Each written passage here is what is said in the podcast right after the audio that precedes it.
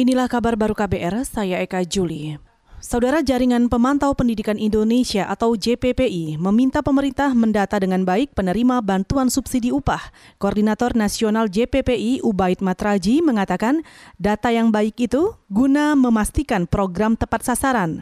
Dia juga meminta bantuan sebesar 1,8 juta rupiah dilaksanakan dengan transparan. Eh, guru-guru honorer non PNS itu datanya perlu untuk divalidasi. Jadi uh, jangan sampai ada left behind ya. Ada guru yang harusnya uh, dapat kemudian nggak dapat apalagi guru yang honorer ya kan yang kita tahu sendiri di Jakarta aja guru honorer itu gajinya ada yang di bawah UMR bahkan ada yang di bawah 500 ribu yang kemarin juga sempat ramai Koordinator Nasional Jaringan Pemantau Pendidikan Indonesia atau JPPI Ubaid Matraji meminta untuk memaksimalkan peran pengawas sekolah dan komunitas sekolah guna memantau penyaluran. Sebelumnya, pemerintah menyiapkan anggaran lebih 3,6 triliun rupiah untuk bantuan subsidi upah bagi pengajar non-PNS dan perangkat sekolah lainnya. Dana sebesar 1,8 juta rupiah itu akan diberikan kepada sekitar 2 juta orang.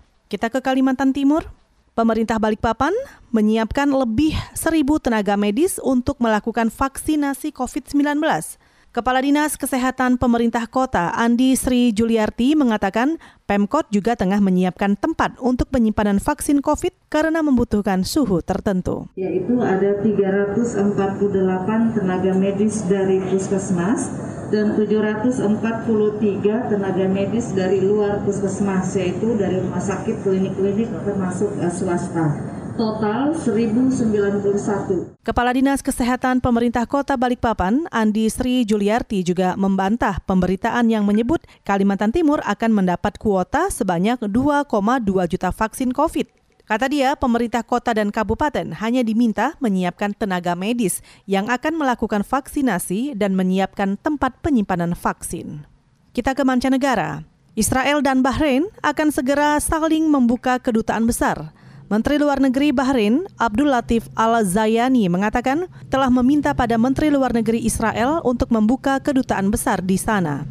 Pada kunjungan resmi pertama pejabat Bahrain ke Israel, Abdul Latif Al-Zayani juga mengatakan pemerintahnya menyetujui permintaan Israel untuk membuka kedutaan di negaranya.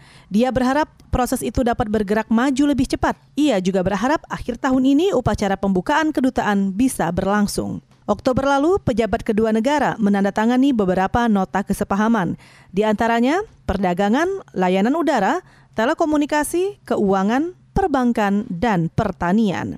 Saudara, demikian kabar baru. Saya Eka Juli.